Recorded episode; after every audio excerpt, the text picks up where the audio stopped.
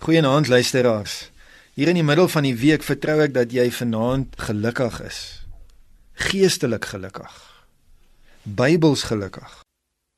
Vanuit die Bybel kan daar nie twyfel wees dat die Here wil hê dat jy gelukkig moet wees nie. Psalm 1 begin in van die vertalings met hierdie woorde: Gelukkig is hy wat die woord oordink.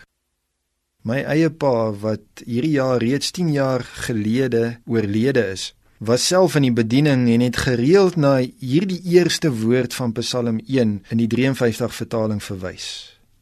Hy het dit so opgedeel en gesê wel geluk salig.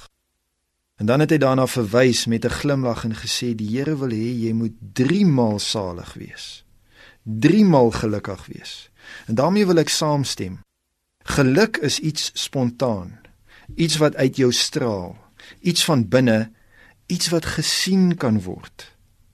Jesus sê aan die einde van sy bergpreek, ons moenie net sy woorde hoor nie, maar ons moet dit ook doen.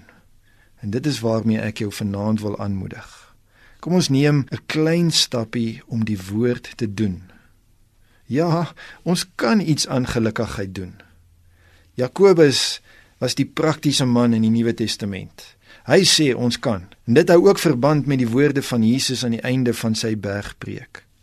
In Jakobus 1 vers 25 sê Jakobus: Iemand wat hom verdiep in die volmaakte wet wat 'n mens vrymaak en hom daaraan hou en nie vergeet wat hy hoor nie, maar dit doen, hy sal gelukkig wees in wat hy doen.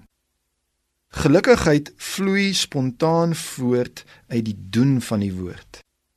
En daarom wil ek jou uitdaag met 'n klein geloofstappie. Dink aan die kleinste, eenvoudigste manier om die woord te doen. Ek kan jou help en 'n voorbeeld gee want ek dink onmiddellik aan die maklikste. Filippense 4 vers 5 wat sê: Laat julle vriendelikheid aan alle mense bekend word. En daarom wil ek jou uitdaag, gaan en doen dit vanaand. Dalk is jy op pad elders heen.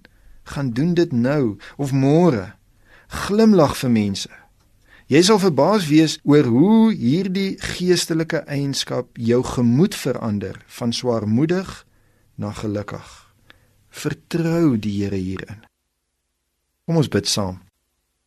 Hemelse Vader, ek vra dat U deur die krag van U Heilige Gees my in staat sal stel om u woord te doen om vriendelik te wees teenoor alle mense. Amen.